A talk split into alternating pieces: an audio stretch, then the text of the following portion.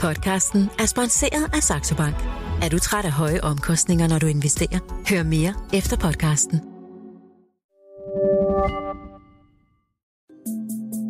Millionærklubben fra Jørgen Investor med sine Terp.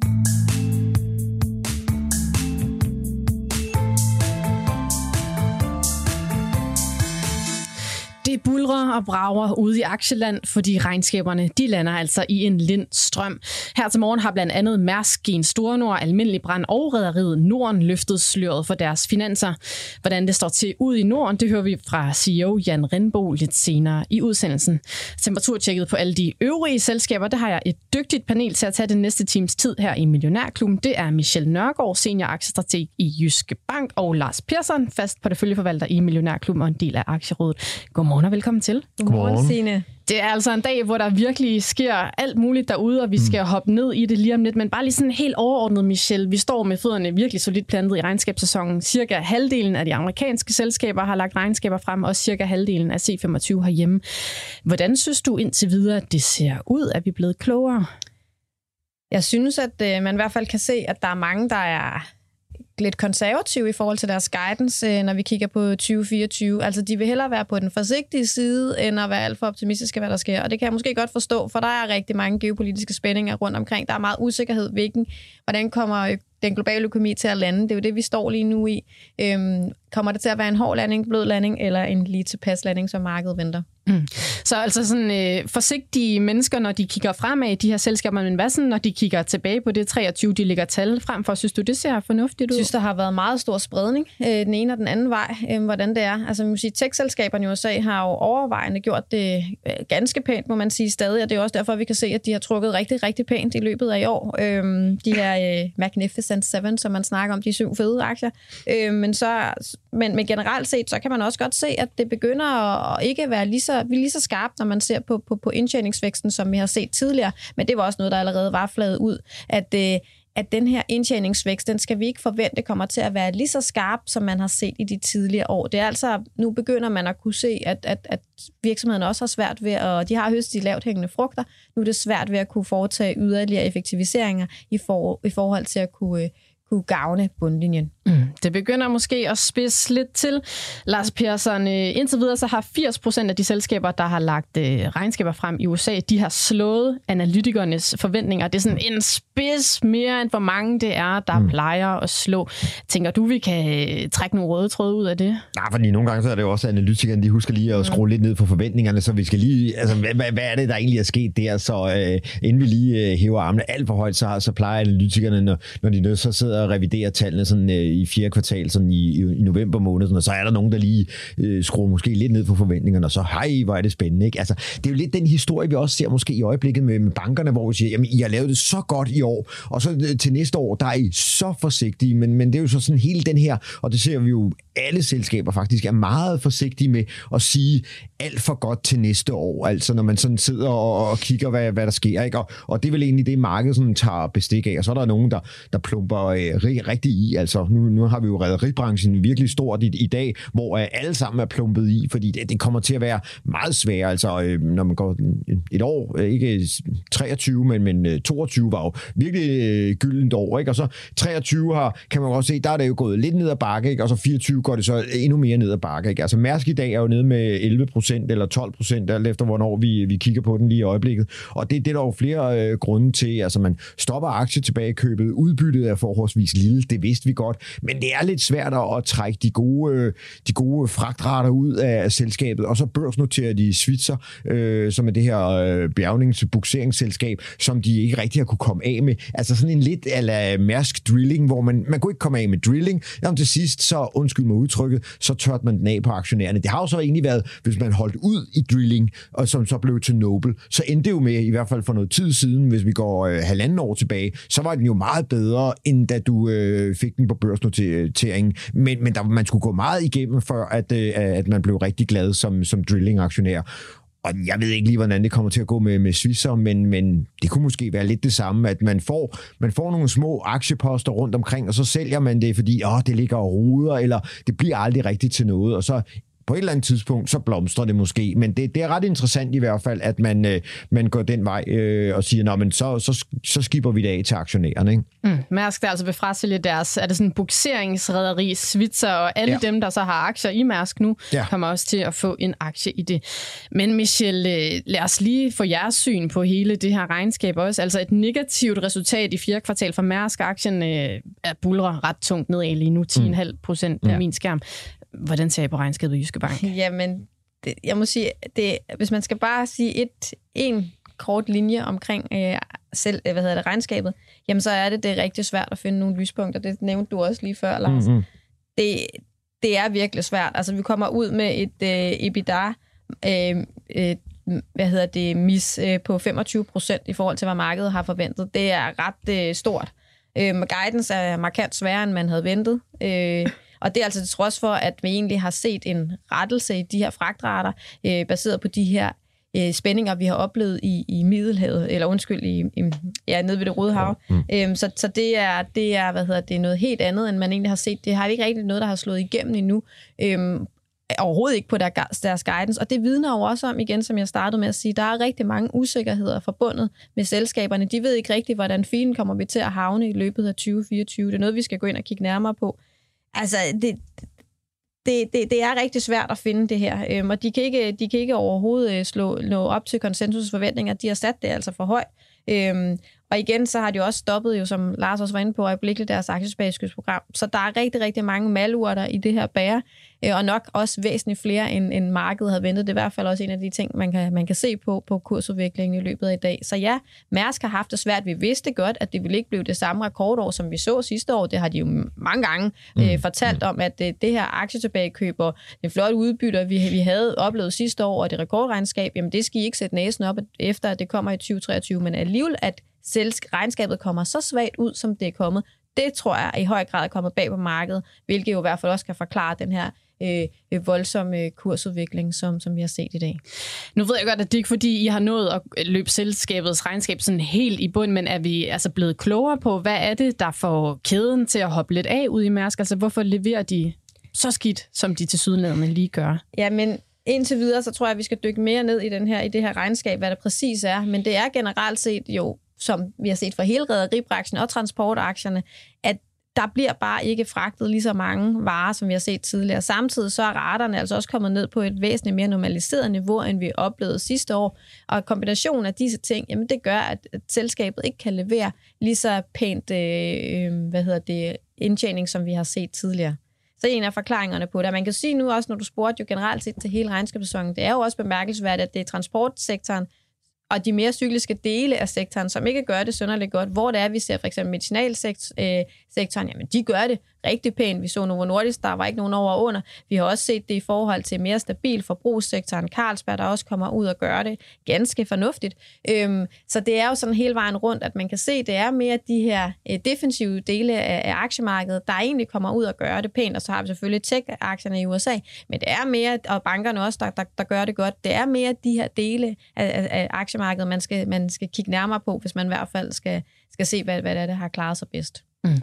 Og Jyske Banks fulde syn på Mærsk og de andre aktier, du måtte nævne her i løbet af programmet, det kan man altså læse på jyskebank.dk-aktieanbefalinger. Men Lars Persson, lad os lige få dit syn ind på det, fordi er tiden inde til, at vi skal købe op i sådan defensive aktier lige nu, eller hvad tænker du der? Jamen altså, øh, Carlsberg ligger faktisk og, og ser rigtig godt ud øh, lige i øjeblikket. Jeg synes ikke, at regnskabet var så, så spændende, men, men det, er jo, det er jo det er jo sådan nogle ikke overraskelsesmomenter, vi, vi, øh, vi søger i øjeblikket. Øhm, og, og nu er øh, Royal Unibrew gået vandret de sidste to måneder efter et ordentligt gok i nøden, så jeg går sådan lidt og drømmer om, at, at de laver samme øh, tur. Altså Carlsberg er løbet lidt foran øh, med, en, med en stigende trend og øh, købsignaler sådan teknisk, øh, og så øh, kommer Royal Unibrew, det, det er sådan egentlig min mere favorit, øh, fordi de har allerede lavet den der transformation til at være sådan sodavandsbryggeri, og det lyder sådan øh, måske lidt lavsigt, eller sådan, men det er faktisk øh, egentlig godt set, at vi, vi, drik, vi drikker jo ikke så meget øl, øh, og det nævnte Michael Friis også i går, og, og vi, øh, hvad hedder det nu, og øh, vi, vi er gået mere over til sodavand, fordi vi, vi drikker, drikker lidt flere drinks, og øh, ja, alt muligt andet, øh,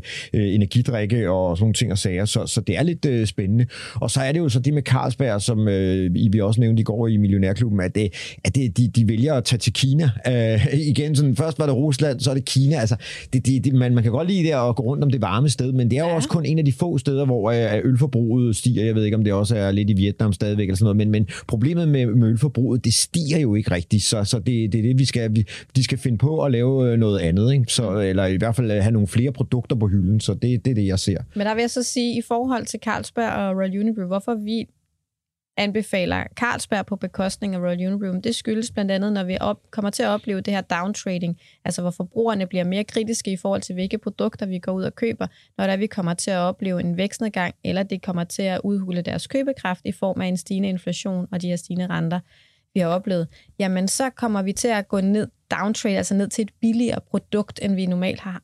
Og det, der er rigtig smart med Carlsberg, det er, at de har en meget, meget bred palette i forhold til, hvilke produkter de har. De har både noget, der hedder premium-segmentet, hvor det er de dyre øh, produkter, og så er de altså også længere nede, som er til hvor man ligesom kan, kan trade ned til en anden. Så man kommer til stadig at kunne være lojal over for Carlsberg, man behøver sikkert vælge et helt andet bryggeri, som for eksempel, hvis man kigger på mikrobryggerierne kontra, kontra Carlsberg. Derfor tror vi, når vi kigger på Carlsberg, de står et langt bedre sted end mange af de andre bryggerier. Og så handler de også med en, en, en pæn rabat i forhold til mange af deres andre sammenlignelige konkurrenter. Og det er derfor, vi anbefaler, at man skal overvægte Carlsberg øh, på bekostning af Royal Unibrew.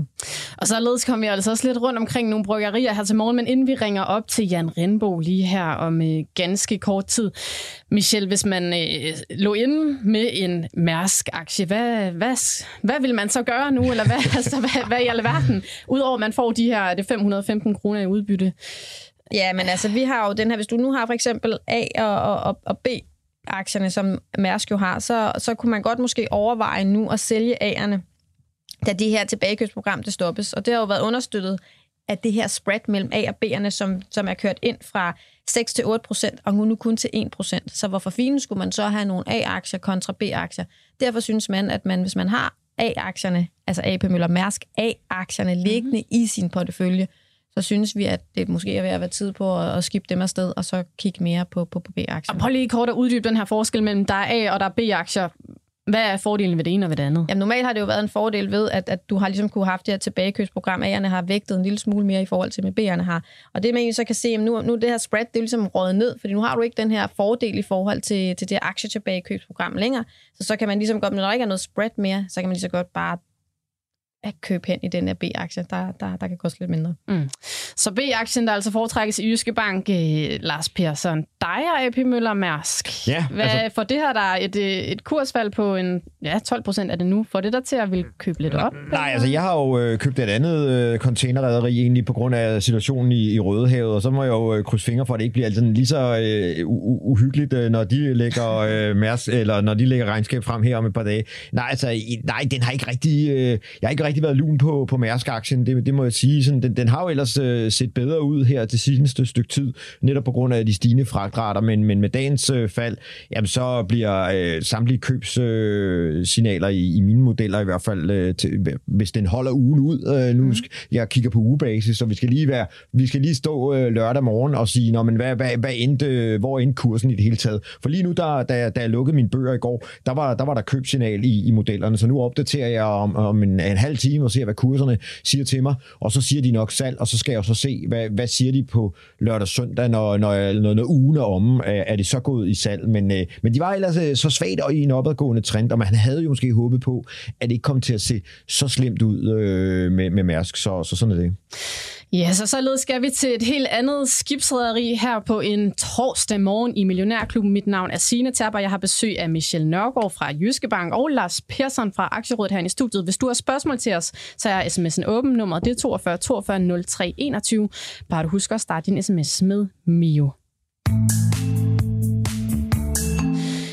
Skibe på verdenshavene får kloden til at hænge sammen, men ikke desto mindre så går bølgerne højt i det røde hav for tiden.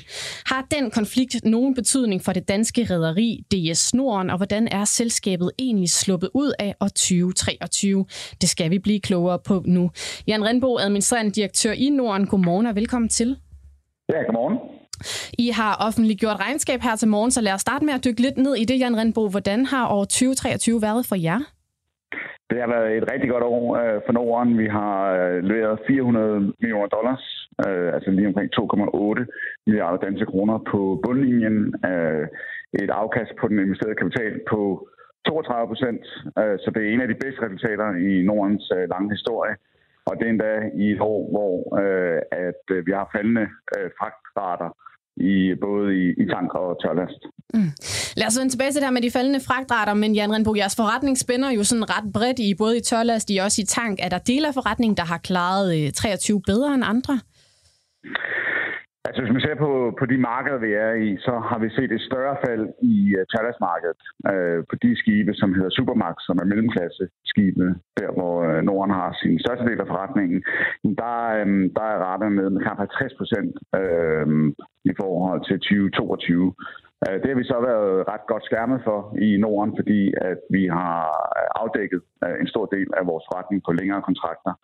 Uh, så det har... Um, øh, betyder, at vi stadig har kunne levere et godt resultat også inden for tørlast. Mm. I guider noget lavere i 2024 end det, som I har præsteret i 23, Jan Renbo. I forventer et resultat i niveauet af 150-250 millioner dollar i det år, vi står i nu. Hvad er sådan øh, helt konkret grunden til den noget lavere guidance?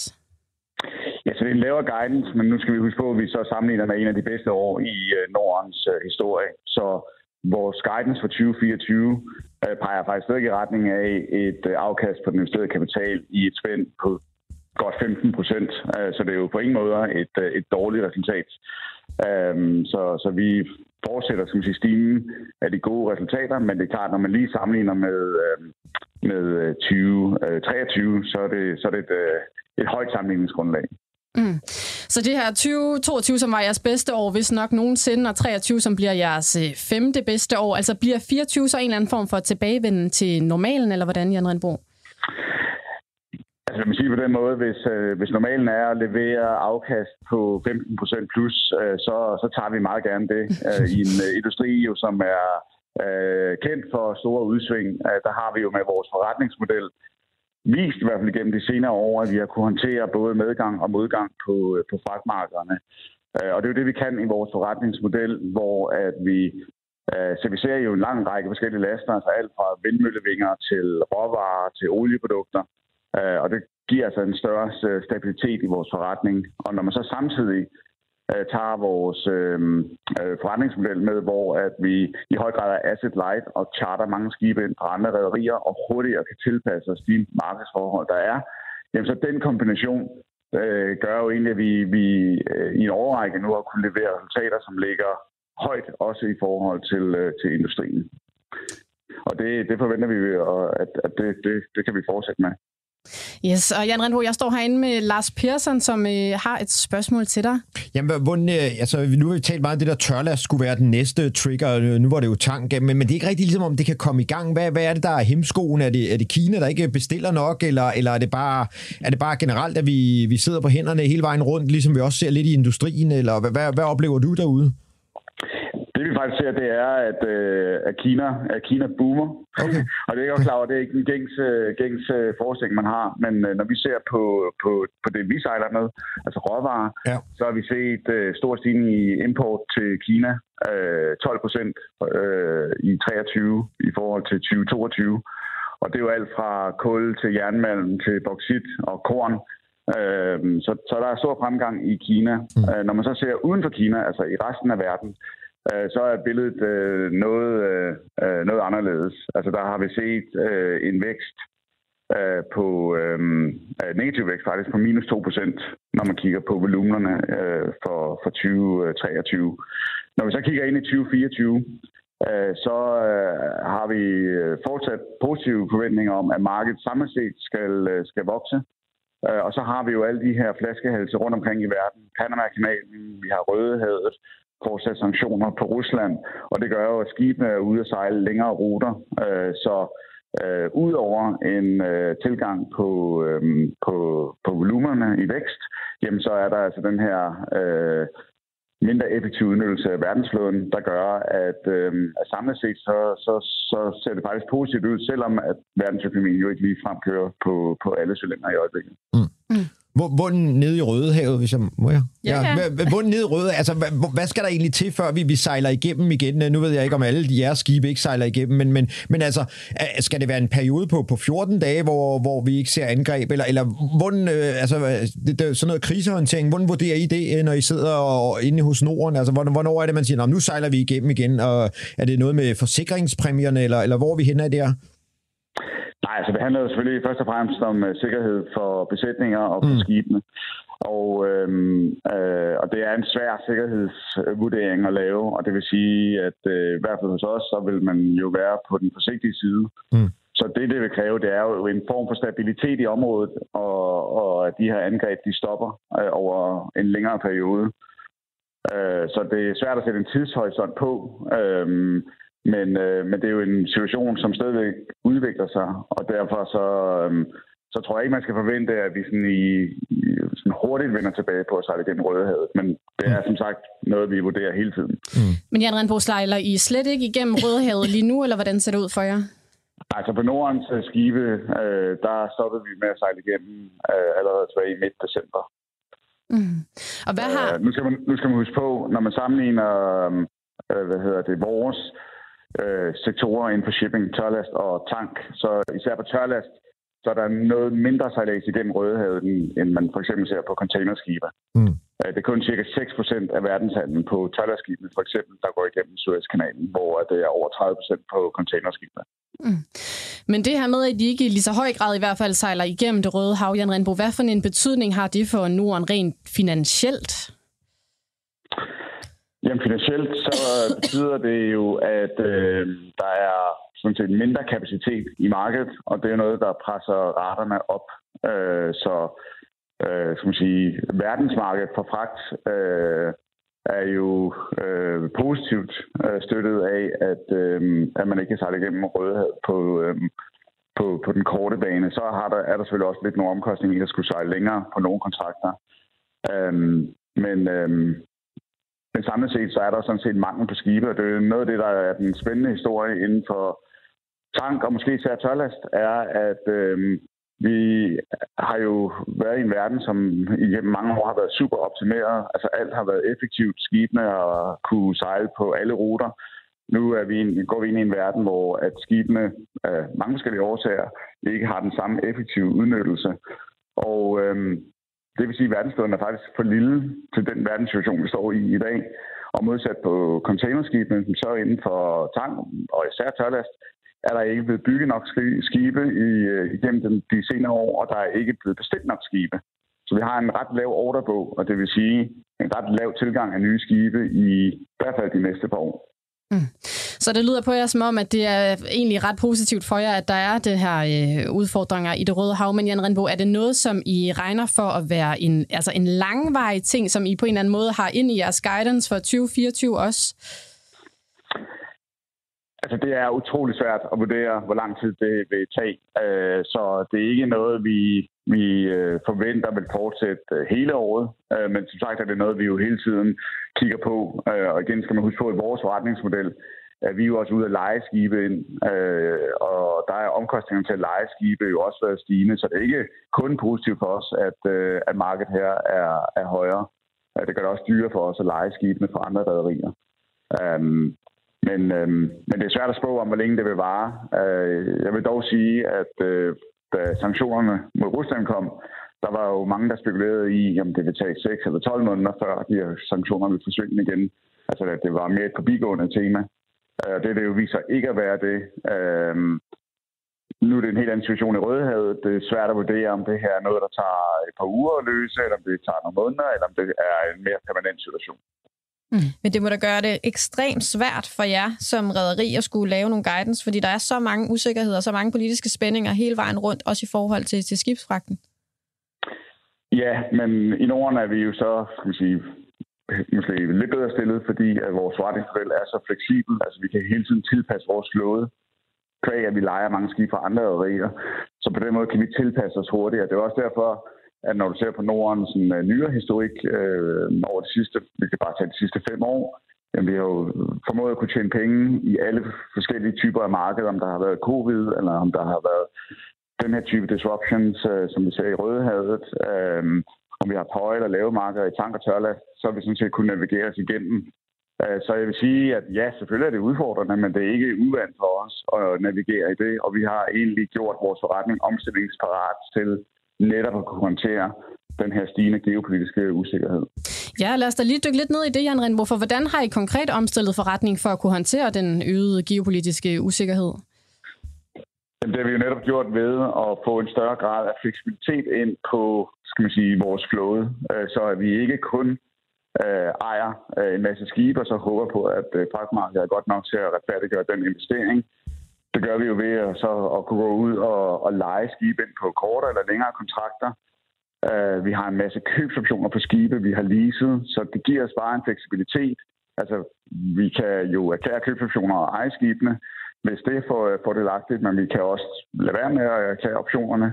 Og det gør bare, at vi er mere modsætningsdygtige over for de her udsving. Altså, vi får skal man sige, upsiden med i markederne, som vi jo har vist i 2022 og 2023 med rigtig høje resultater.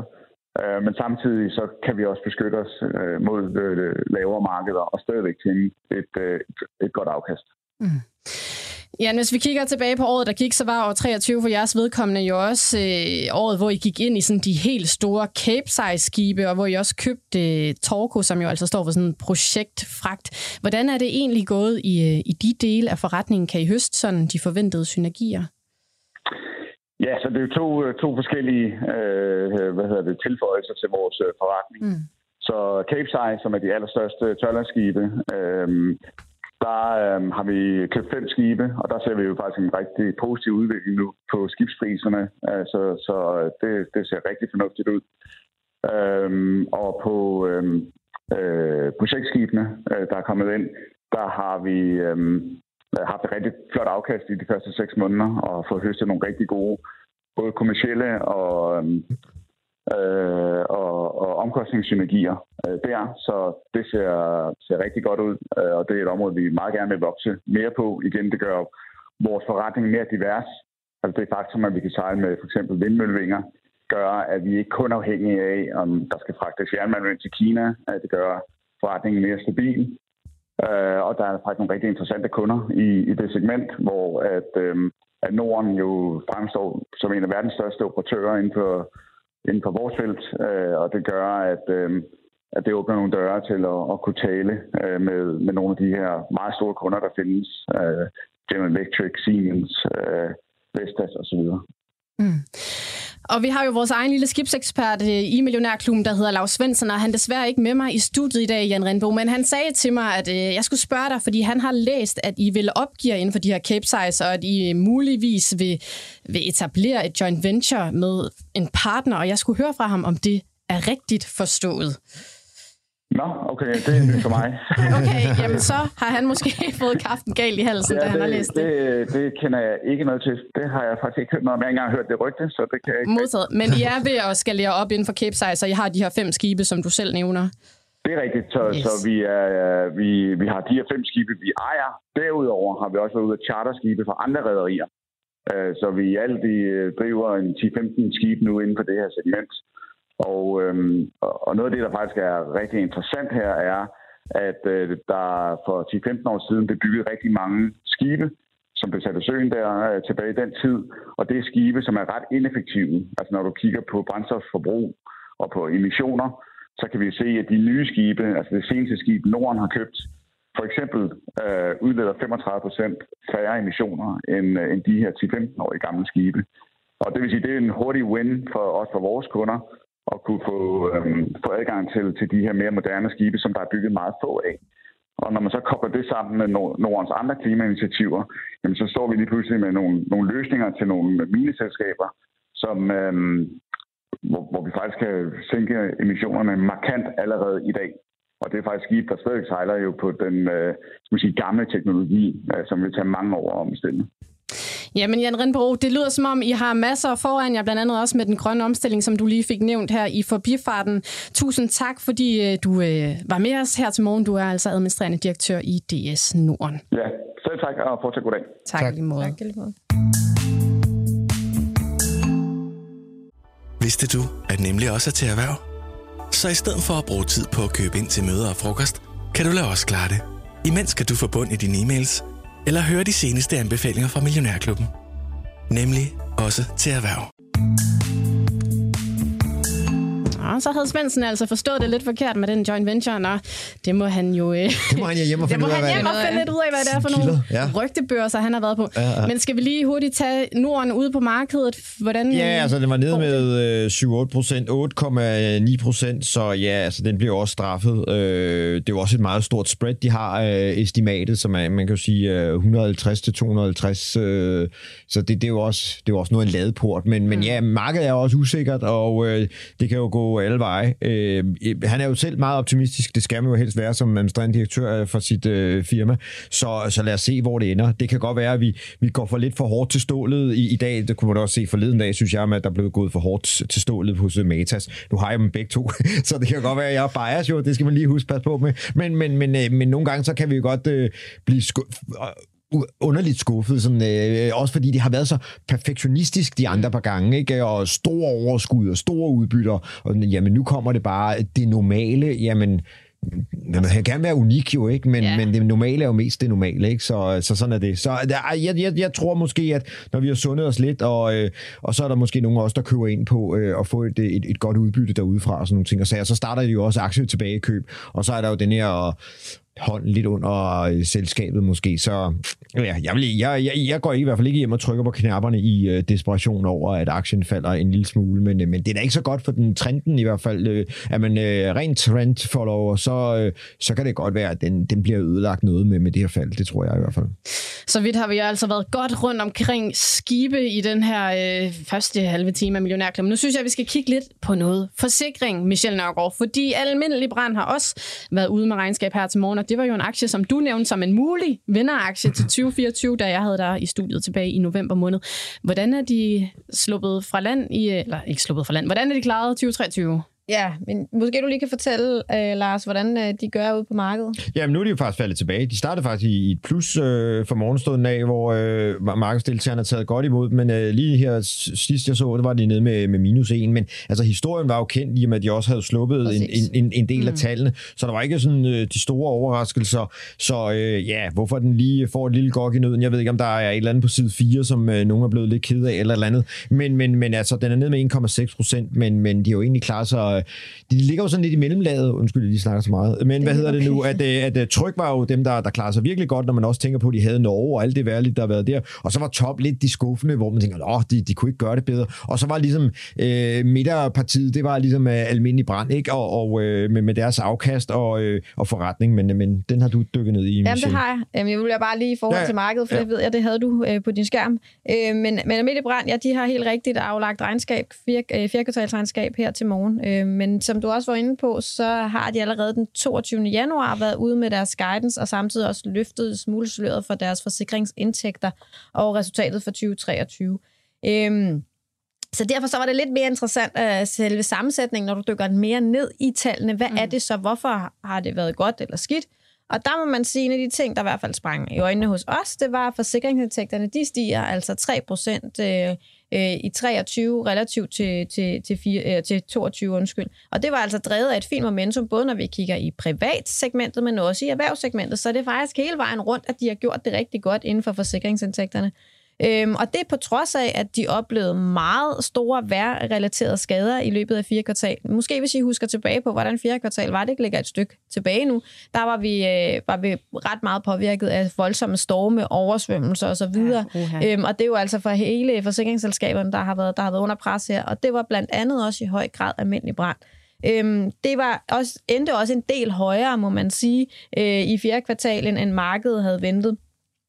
Og det er også på højere end, end normalt niveau i forhold til de her store skader, man ser. De kom ud på 235 millioner kroner, de skulle udbetale, og normalt ligger niveauet på de her 207 millioner kroner, bare lige for at kunne, mm. kunne sidestille det med, hvor- hvor, hvordan det er.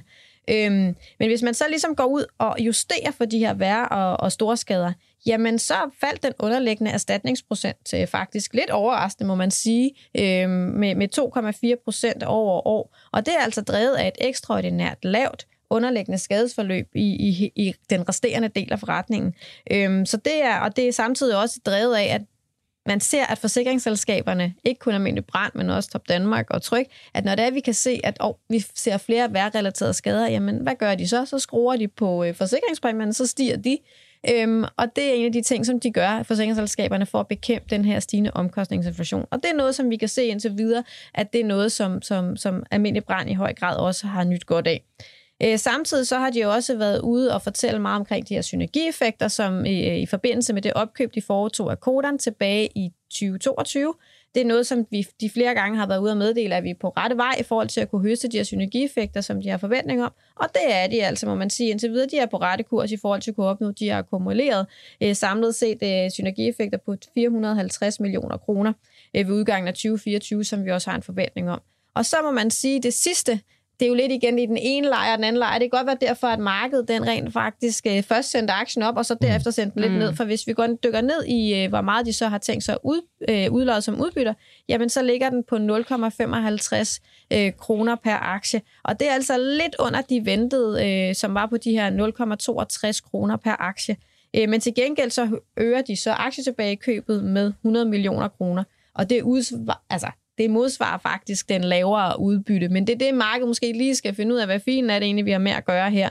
Øhm, men der er telekonference her kl. 11, så lad os se, om, om markedet ikke bliver lidt klogere i forhold til, hvad almindelig brands regnskab egentlig er for en størrelse, og måske kunne sende den op. Vi tror i hvert fald stadig i forhold på almindelig brand, øh, både baseret på det her øh, forbedring af toplinjen, ikke mindst fordi de har været ude og, og justere på deres øh, forsikringspræmie, øh, for at hæve præmierne, som kan være med til at bekæmpe de her stigende omkostningsinflation. Øhm, og det er altså noget, der vil også i løbet af 2024 være med til at skabe øh, positivt ind på bundlinjen, og samtidig vil vi også fortsætte de her synergieffekter. Og så handler de altså med en rabat i forhold til både top og tryk. Fordi det var vel tryk, som vi alle sammen stod og roste derinde for sådan mm. en, var det en to års tid siden, mm. at de klarede det super godt. Men altså så argumentet for jer for måske at være lidt mere lun på almindelig brand, det er simpelthen, at de er relativt billigere. Det er de. De okay. er væsentligt billigere, når der vi kigger på både øh, top og tryk. Og, og det er altså til trods for, at når vi kan se, at de gør det godt, og de hæver altså de her øh, præmiensektor. Der kommer virkelig til at få effekten af dem i løbet af 2024, og det er nok ikke, øh, det er nok en marked ikke har helt fået øjnene op for det endnu. Mm. En anden ting kunne måske også være, men vi er lidt nervøse, fordi der har også været meget værlig her nu her, hvor mm. der har været oversvømmelser igen igen, øh, og ting, der er gået i stykker. Så det kan også være, at måske markedet er sådan lidt nervøse for, hvordan øh, de håndterer det her i øh, første kvartal. Ikke? Så det kan også bare være, at man sådan presser forsikringsselskaberne øh, lidt, eller afventer med måske at købe dem til sin portefølje. Men der vil jeg lige komme med en kommentar i forhold til det, fordi ja, det er rigtigt, vi har set rigtig mange store vejrrelaterede skader med oversvømmelser og storme og det hele. Men der er blevet lavet en undersøgelse, jeg kan ikke huske for hvilket analyseinstitut, der har gjort det, hvor man kigger på øh, globale, mm. øh, voldsomme vejrrelaterede skader. Og det er faktisk lavere, end når vi kigger på normalen i forhold til de sidste seks år. Mm. Det er lidt sjovt, til, ja, globalt set, okay. til trods for, at vi egentlig har oplevet det her hjemme. Mm. Øhm, så det er bare lige en lille ekstra krølle. Det kan godt være, at man hører, at ah, vi slår på trummen, for vi kan opleve de voldsomme storme og det ene og det andet. Men når vi kigger på globalt set, så er vi faktisk lavere end normalen. Mm. Så man skal måske lige huske at kigge på det store perspektiv, men selvfølgelig er det jo så, at almindelig brand har deres aktiviteter her i Norden. Så, mm. Men altså, jeg kan heller ikke lade men være igen, med... det de gør, Stine, det, ja. Stine, det de gør, det er, at de, ligesom, de hæver jo så præmierne i forhold til det her, og det kommer forsikringsselskaberne altid udenom. Så på den måde, så bekæmper de altid omkostningsinflationen på den måde. Modtaget. Det er altså torsdag her i Millionærklubben, hvor jeg har besøg af Lars Persson og Michelle Nørgaard. Vi vinder dagens regnskaber, så hvis du gerne vil ja, have, at vi vinder et eller andet specifikt, så send os da en sms-nummer. Det er 42 42 03 21. Bare du husker at starte din sms med Mio. Og så synes jeg, at vi skal springe lidt ned til nogle øh, høreapparater. Jeg synes, vi skal springe til Gen Store Nord, der også øh, har været ude med regnskab her til morgen. Jeg havde Michael Friis i studiet i går, som sagde sådan, ah, men det blev nok ikke et brag af en fest, men det blev nok heller ikke sådan helt forfærdigt. Michelle Nørgaard, hvordan tænker du, de er landet? Ja, de ligger jo i toppen, må ja. man jo sige. De ja. gør det jo ret godt øh, op med mere end 4 procent. Og det er altså til trods for, at i hvert fald hvis du hører vores analytikere, så kom de ud med en skuffende afslutning på året. Øh, men mm. jeg tror lidt, er måske årsagen er, at hvis vi dykker lidt mere ned i divisionerne, så har vi jo øh, så hvis for eksempel vi tager hearing, altså høreapparatstenen, jamen så fortsætter den solide øh, udvikling, som vi har set også i løbet af hele 2023, den fortsætter altså også i fjerde kvartal med en pæn organisk vækst på 7%, og det er drevet af primært af det her høreapparat Omnia, øh, men også et stærkt optag øh, af det her Nexia. Øh, og det lover jo også rigtig godt for den vækst, som vi har ind i løbet af 24 øh, hvor de også guider en meget, meget pæn vækst i forhold til hearing øh, på en organisk vækst på i niveauet 8-12 procent. Øhm, så har vi så audiodelen. Øhm, den er stadig udfordrende, må man sige, når vi kigger på efterspørgselssituationen. Men igen her, der kan vi begynde at se begyndende tegn på bedring. Øhm, og det kan godt være det, at investorerne de tænker, hov, Jamen, det kan godt være, at det er gået lidt dårligt, men nu kan vi faktisk begynde at se nogle spæde bedringstegn her, øhm, med en sekventiel stigning i salget, og altså også en organisk vækst på, på, i gåsøjne blot på de her minus 4 procent, hvor konsensus havde, var væsentligt mere pessimistiske og havde en forventning om, at det her, øh, den organiske vækst, den vil altså falde med, øh, i, under, eller i underkanten af 6 procent. Så det kan godt være en anden ting. Og så, ja, guidance de er selvfølgelig en smule til den svage side, men igen, jeg synes, det, det, det, det tegner altså til, at lad os nu se, hvordan det kommer til at være. Det kan godt være, at de er lidt, øh, lidt, lidt for konservative måske i forhold til det her, men generelt set, så er der jo de her begyndende bedringstegn. Øh, men det vidner jo altså om, at usikkerheden den er stadig stor, men, mm. men GN de tror trods alt på, på, på, tegn, på, sta, altså tegn på stabilisering, og de forventer stadig, at væksten, jamen også forskellige steder, jamen det vil altså begynde at gå bedre. Øhm, så jeg synes, at det kan godt være det, som, som markedet måske de, de, de hæfter sig ved, at til trods for, at det måske går, går lidt sværere, og det er måske ikke den bedste, øh, det, det bedste regnskab, man kunne have forventet i forhold til til fjerde kvartal, jamen så ser udsigterne måske lidt mere lys ud. Og igen, hvad er det, man køber ind som, som, som en investor? Jamen det gør man jo om en forventning om, hvad virksomheden kan komme til at tjene inden for de kommende 12 måneder. Så det er måske derfor, at det er, at vi i hvert fald sætter aktien op, til trods for, når vi kigger på regnskabstallene sådan for, for fjerde kvartal, så er det ikke til en helt opløftende side. Mm.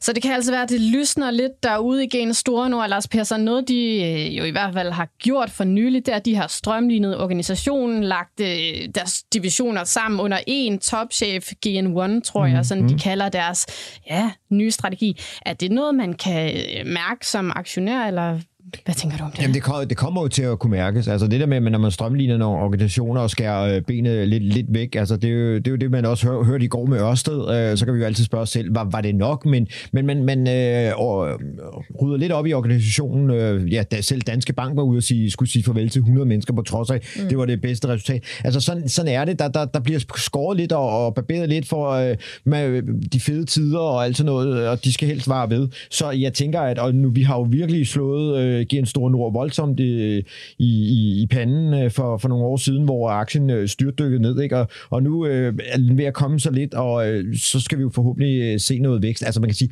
problemet med høreapparatsmarkedet, det er jo, det er ikke sådan, det er jo ikke sådan et vækststed, det, det bulrer jo ikke, selvom at der, der er jo stort potentiale for i Fjernøsten og så videre, mm. og der har Gen Store Nord jo tidligere været, været et af dem, der har været der, men, men produktmæssigt har de altid sådan hængt lidt bagefter øh, sådan øh, design og øh, ja, det, og så, så, så, så de er jo altid sådan lidt, lidt bagefter, så, så det er måske øh, den, den, den, der ikke overrasket lige så meget her øh, i, i regnskabet, ikke? men kan de holde fast i deres, øh, deres markedsandel øh, for veteraner i USA og så videre, jamen så, øh, så står de måske egentlig øh, meget stærkt, og kan, de så få, kan vi så få det der øh, gaming normaliseret, det, det, øh, det kunne jo også hjælpe dem en lille smule, og det virker jo som om, at det er jo blevet igen normaliseret. Først så, så købte vi alt, hvad der var på hylderne, og så skulle vi slet ikke have noget, og nu er vi ved at komme lidt tilbage til normalen stille og roligt, og det kan jo være med til at, at løfte den forret, det forretningsben for GN. Og en anden ting er jo så også, at høreapparater er jo en såkaldt megatrend. Vi går jo i, når vi kigger på hele verden, så har vi jo den her demografiske udvikling, at der bliver færre og færre ældre.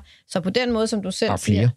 Hvad? Jeg sagde ikke flere? Nej, jeg, jeg synes, du sagde færre. Men Nå, okay. det, var, undskyld. det, det kan være, at jeg skal høre ja, det kan være, ja. Du må forbi igen, store. Ja, men det er i hvert fald, hvis, hvis jeg sagde forkert, så er det helt rigtigt, at det er i hvert fald flere og flere ældre. Øhm, og det, øh, at vi bliver færre og færre yngre. Og den måde, der, der, der, der ligger der jo i hvert fald et potentiale i forhold til, at man kan gå ud og få et, et nyt høreapparat. Mm. Men, men igen er der så lige den her med, hvis du kommer til at opleve en, hvad kan man sige, en forringelse af din købekraft, inflationen den stiger, så kan man godt, det er ikke lige den her, det er nice to have, det er ikke need to have i forhold til et såkaldt høreapparat. Mm. Det er ikke lige fordi, man siger, at jeg skal lige gå ud og udskifte med høreapparat. Ja, så kan man så godt, kan man godt have, mm, mm. have det lidt længere tid. Og det skal man selvfølgelig have med, men den er den demografiske udvikling, som er i hvert fald en megatrend, som kan godt være med til at understøtte væksten, og dermed også indtjening i forhold til øh, netop de her høreapparatselskaber. Mm. mm. Altså, der er altså sådan en underliggende væksthistorie, der ligger nede under nogle af de her høreapparatselskaber. Men altså noget, Gen Store Nord jo virkelig har fået hug for, nu tror jeg nok mest, det var i 2022, det var jo det her opkøb af Steel Series, mm. og det havde de købt på et øh, dårligt tidspunkt. I, altså, der var næsten ikke noget lyspunkt i det. Mm. Altså, begynder det at se bedre ud, Michelle? Øh, det er ikke lige noget, jeg, jeg i hvert fald kan se, der har, der har været øh, i... Øh, der har været, været i fokus i forhold til det her mm. regnskab. Men lad os se, om der ikke kommer nogle spørgsmål i forbindelse med den telekonference, der finder sted kl. 11 i dag. Der vil helt sikkert være nogle af analytikerne, der vil spørge ind til det, og så kan jeg jo tage det med næste gang i Millionærklubben. Yes. Lars Persson, ALK, de er ikke landet endnu? Nej, de Nej. er ikke. Vi står og tripper. Det er jo, øh, ja, ja. Til gengæld er min hø landet, og den stiger øh, med et sted mellem 10 øh, og 11 procent. Så, så det er jo en uh, rigtig god dag. Der er jo et uh, shippingfirma, der går den anden vej. De transporterer jo biler, og uh, der er ikke så mange af dem. Uh, det, er en, det er en lille gruppe, tre stykker, Gram hø og Velinius, uh, og, og de skummer jo fløden, fordi nu skal de jo sejle rundt om uh, ja, uh, Afrikas uh, horn, eller i hvert fald nogle af dem gør. Uh, så der bliver jo længere mellem øh, billeverancerne, så, så, øh, og der er mange, der har booket ind, og det er jo sket det, at Kina er gået, øh, altså blevet den største eksportør. Det er stadigvæk øh, Toyota, der er den største leverandør af biler, men, men Kina med alle de mange bilproducenter der, så, øh, så er de blevet det største producenter, og vi kan jo også se, at der er flere kinesiske biler i øh, det danske gadebillede, så, øh, så hvis vi skal have nogle flere kinesiske biler her i Europa, så skal de transporteres noget, noget vej. Øh, så ja, der er, der er godt gang i de der, øh, de der tre øh, gutter der, men i Høge har lige aflagt regnskab, så øh, skidt godt ud. Og så har jeg jo Holland med som er medaktionær. Ja, fodboldspilleren. Ja, ja, ja, fodboldspilleren. Så, så det, er, det er rigtig godt. Så det har været, det har været en god dag indtil videre. Ja, det er oppe. Mm. Ja, du står også med et stort smil, Lars. Ja, men det, det gør Ja, men jeg har haft sådan uh, to, tre vanvittige dage. Først var det Nokian Tire, som jo ellers er under EU-myndighedernes uh, loop, uh, som steg 5%. I går var det så Høstfinans, som steg uh, 13% på deres regnskab. Og nu har vi så uh, Høg uh, Autoliners, der, der stiger uh, 10% på deres regnskab. Så ja, jeg har da uh, Magnificent 3 i øjeblikket. så det kan det være, at vi kan komme op på syv inden, uh, inden uh, ugen er om, jeg lige at sige. Så det, ej, uh, jeg, jeg står derfor og tripper lidt på ALK og håber, at de uh, kommer i mål og ikke uh, har et eller andet med, at de mangler nogle øh, tyske kunder øh, igennem forretningen eller et eller andet. Men, men nogle gange så er det jo, de kommer i løbet af eftermiddagen. Vi så jo også, øh, inden vi slet ikke har noget at diskutere i, øh, i Millionærklubben, jeg har heller ikke rigtig noget at analysere det, eller jeg kunne bare se reaktionen. Det var jo Rockwool i går. Ja, jeg ved, det, det, det, I den, eller hvad? Ja, det gør vi. Ja, okay. Så kan du måske fortælle om tallene, men det var jo i hvert fald noget bedre. Jeg synes godt nok, at de var stadigvæk svag guidance, men, men, øh, men det kan også være, at øh, folk bare overgiver sig til, fordi det var jo faktisk rigtig godt gået resultatet, øh, og øh, det var jo i hvert fald en aktie, der, der bragede op. Øh, og det er jo den der omvendte verden, hvor vi siger, jamen øh, grøn omstilling, det er jo også at, øh, at spare på energien, mm. øh, og det må man sige, både når man skal køle sit hus, øh, fordi det er for varmt, eller når man skal varme det op, fordi det er skikoldt udenfor. Så, øh, så det er jo sådan en, en evig vinder i mine øjne, og så er den så bare desværre nogle øh, russiske fabrikker, og derfor har den jo så fået nogle øh, bøllebank, kan man sige. Så... Øh, jeg synes, den ser interessant ud teknisk. Nu steg den øh, virkelig meget. Øh, steg møg, næsten 8 procent. Ja, meget, meget ærgerligt faktisk, fordi at, det, det, det, men, men den har jo også ligget flat, også øh, lidt ligesom man har set med GN, og, og det er jo nok på grund af den her russiske forretning, hvorimod at jamen, de donerer jo så nogle penge til Ukraine den anden vej, men øh, ja, sådan er det. Mm. Så jeg synes, den ser meget spændende ud teknisk, men jeg skal hjem og sidde og rode med den og, og analysere den øh, grundigt, men jeg synes, forventningerne var lidt skuffende, men øh, det kan jo være, at markedet ligeglad. Men hvad, hvad sagde I om tallene, Michelle, der? Ja, men øh, du har helt ret i, at regnskabet det kom øh, halvanden procent bedre ud end markedet, det havde ventet. Mm. Øhm, det var omsætningen, blandt andet, når vi kigger på den, jamen så steg den altså også øh, mere end ventet. Øh, det steg på 2 procent, for konsensus havde ventet et fald på 0, minus 0,7 øh, procent. Og det var altså drevet af den her højere volumen, så en pæn efterspørgsel, må man sige. Det vidner jo om, at det volumenfaldet, som vi har ellers øh, været lidt, lidt, lidt træt, og man, mm. man, man synes, puh, kommer det til at fortsætte? Jamen, det kan i hvert fald se, det synes som om, der er sat en, en bundprop ind i det, og det ser ved at være ud til at være overstået. Så var guidance øh, jo så rettet øh, i højst grad fokus, fokus mod dem. Mm. Og der, øh, der, der guider de på en, en omsætningsvækst i lokalvaluta på niveau med sidste år. Og en EBIT-margin på omkring 13 procent. Øhm, og der må man sige, at at der, hvad hedder det, når vi kigger på EBIT-marginen, så kom den i hvert fald ud og skuffet en lille smule i forhold til, hvad Consensus har ventet. De ventede en EBIT-margin på 13,3 procent, så mm. altså lige 0,3 procent under, end det havde. Så derfor så tror vi også, at estimaterne de skal justeres med 1-2 procent i kølvandet på regnskabet. Men en af årsagerne til, tror jeg, at markedet alligevel sendte Rockwool-aktien så pænt op, mm. jamen det var jo, at normalt er de jo ikke meget konservative i deres yes. udmeldinger generelt set. De vil ikke helst være mere konservative, og så kunne gå ud og opjustere mm. senere hen på året. Men når vi ser kommentarerne omkring øh, øh både begyndende øh, bedringstegn, mm. stabiliseringstegn i Østeuropa, og også dele af Centraleuropa, jamen så er det altså noget, der virkelig var positivt, og formentlig var det, der, der gav aktien vinger i løbet af i går. Mm. Øhm, Rockwool, de har samtidig også nævnt, at den her risiko for en bredbaseret øh, recession i, øh, i, i konstruktionsbranchen i Europa, jamen den synes de egentlig ikke er, er sådan sønderligt øh, voldsomt. Det ser nærmere det begrænset i løset af, at vi både kan se de faldende renter, og også at inflationen også er aftagende. For det kan være med til at egentlig at sætte yderligere skub i, fordi så bliver forbrugernes købekraft jo ikke svækket. Tværtimod, så bliver den egentlig forbedret. Så det er en af de ting, som vi i hvert fald kan se, men når vi, vi har telekonference her kl. 11, der vil vi helt sikkert gå ind og, og spørge ind til de her vækstudsigter. Hvordan ser de ud i forhold til, når vi kigger i 2024? Og det kan jeg jo så også tage med næste gang. Hvordan har Rockwool så egentlig været ude med det? Mm. Men jeg tænker, det taler vel sådan lidt imod det har vi indledt med at snakke om, Michelle, at det var måske nu, man skulle lægge sig i noget lidt defensivt, fordi Rockwool er jo vel netop sådan super cyklisk og afhænger af, hvor meget der lige bliver bygget ja, og ikke bygget. men det er også en grøn aktie. Mm. Og det, der var ja. i forhold til 2023, det var jo netop, at de grønne aktier, de havde det rigtig, rigtig svært mm. som helhed, baseret på, at de var hårdt presset af både de stigende renter og de stigende inflation. Og vi, det er jo netop derfor, at vi begynder at snakke om, at det nu vil være tidspunkt til, at man skal gå ind i de grønne aktier. Og det kan det i hvert fald måske godt se med til, fordi vi kommer til at se inflationen øh, er for aftagende. Vi kan se, at renterne de er begynder at snakke om, hvornår kommer de her rentenedsættelser i løbet af 2024. Og samtidig så har vi hele den her genopretningsplan i Europa. Vi skal gå mere klimabevidst øh, øh, hvad hedder det, retning. Mm. Og investeringerne i alt det her klima, mm. tilskud til øh, energimere venlige bygninger, jamen det er noget, der i høj grad vil kunne give Rockwool-aktien rigtig meget mere medvind mm. øh, i løbet også af 2024 og også fremadrettet. Mm. Ja, og det er det, jeg tror, der er, det er triggeren, fordi det, det ja. kan godt være, at byggeindustrien eller et eller andet der, men en triggeren er, at man jo fra EU's side gerne vil, vil begrænse forbruget af gas og alt det her. Så, så det er jo at, at, isolere, øh, og, ja. og det er der, hvor man hvor Rockwool har, øh, hvad kan man sige, bolden og en, og en førerposition sammen med nogle af de andre. Det er det, der er problemet med nogle af de andre, der, der leverer øh, glasul og alle de andre øh, isoleringsprodukter, det er, at nogle gange så køber du jo ind i nogle andre forretninger, sådan så at hvis du kun vil have isolering, jamen så er det jo Rockwool, der sådan er nøgen alene inde på det der spillefelt, og så er det, man skal hapse til den i stedet for. Og en anden ting er så også lige i forhold til Rockwool, det er, at de også har annonceret prisstigninger i løbet af 2024, som samtidig også vil kunne være med til at øh, understøtte deres indtjening i mm. løbet af 2024. Og der kan man sige, jamen, vil man så betyde, at man begynder at gå væk fra Rockwool-aktien, eller, og så vælger nogle andre produkter, men Rockwool er bare førende inden for deres isoleringsprodukt, altså, altså stenuld. De er rigtig, rigtig, rigtig dygtige herfra.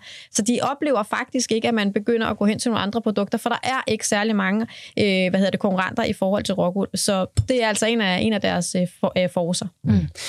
Og Lars Persson, nu nævnte du lige, at de havde fået et par slag på grund af deres tilstedeværelse i Rusland. Så vidt mm, jeg husker det, så var det, at de ville ikke trække sig ud, mm, fordi ja, ja, så ja, overlod man bare hele yes. Molevitten til nogle russere. Ja, ja. Altså, hvad er status egentlig på det? Det nu? tror jeg er det samme. Okay. Øh, det, det, altså, fordi de har øh, postet så mange penge. Det er nogle af de mest moderne fabrikker, der står der og arbejder, og det vil være møg, øh, så man, man må snise, og de går nok på listesko for ligesom ikke at ende i en sådan Carlsberg-situation, eller lige pludselig der er nogle andre, der, der overtager det. Ikke? Så, så det er det. Og så kan man sige, de er jo slet ikke opdyrket hele Fjernøsten. Øh, der er et par fabrikker i gang derude. Nu er det længe siden, jeg så har set Rockwool bygge en fabrik, og det koster jo rigtig mange penge. Jeg tror, det sidste var i USA, eller er de stadigvæk lidt i gang med en lige ved at afslutte måske. Men jeg kan da se et kæmpe potentiale derude i Fjernøsten. Øh, øh, så igen øh, tør man bygge noget i Kina. Øh, det kan man blive nødt til, men, men øh, der, der er jo masser, og Indien er jo også, hvor man skal isolere sig fra varmen i de nymoderne huse. Så jeg ser et kæmpe potentiale, og så selvfølgelig hele Mellemøsten, mm. for ikke at, at tale om det. Så der er jo et, et kæmpe potentiale for, for Rockwool, øh, ja, øh, synes jeg i hvert fald. Og nu sagde du, du skulle hjem og kigge lidt på det, men mm. hvad skal der til, for at du køber dig ind i den?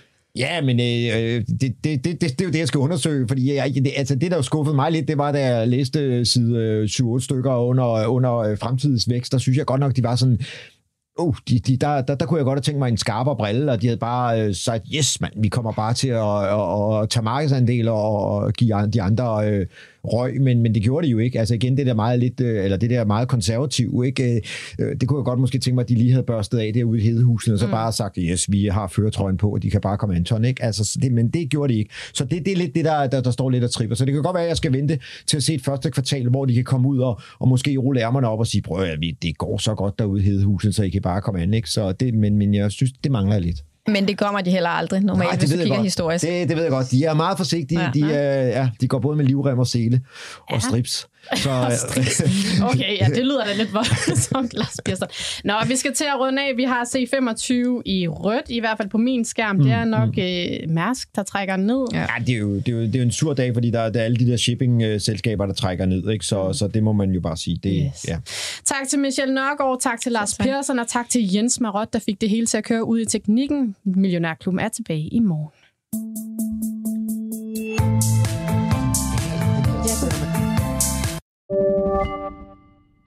Podcasten er sponsoreret af Saxo Bank.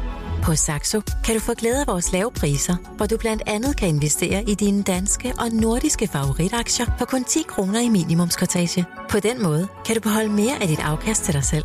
Opret en gratis investeringskonto på saxobank.dk og kom godt i gang med at investere.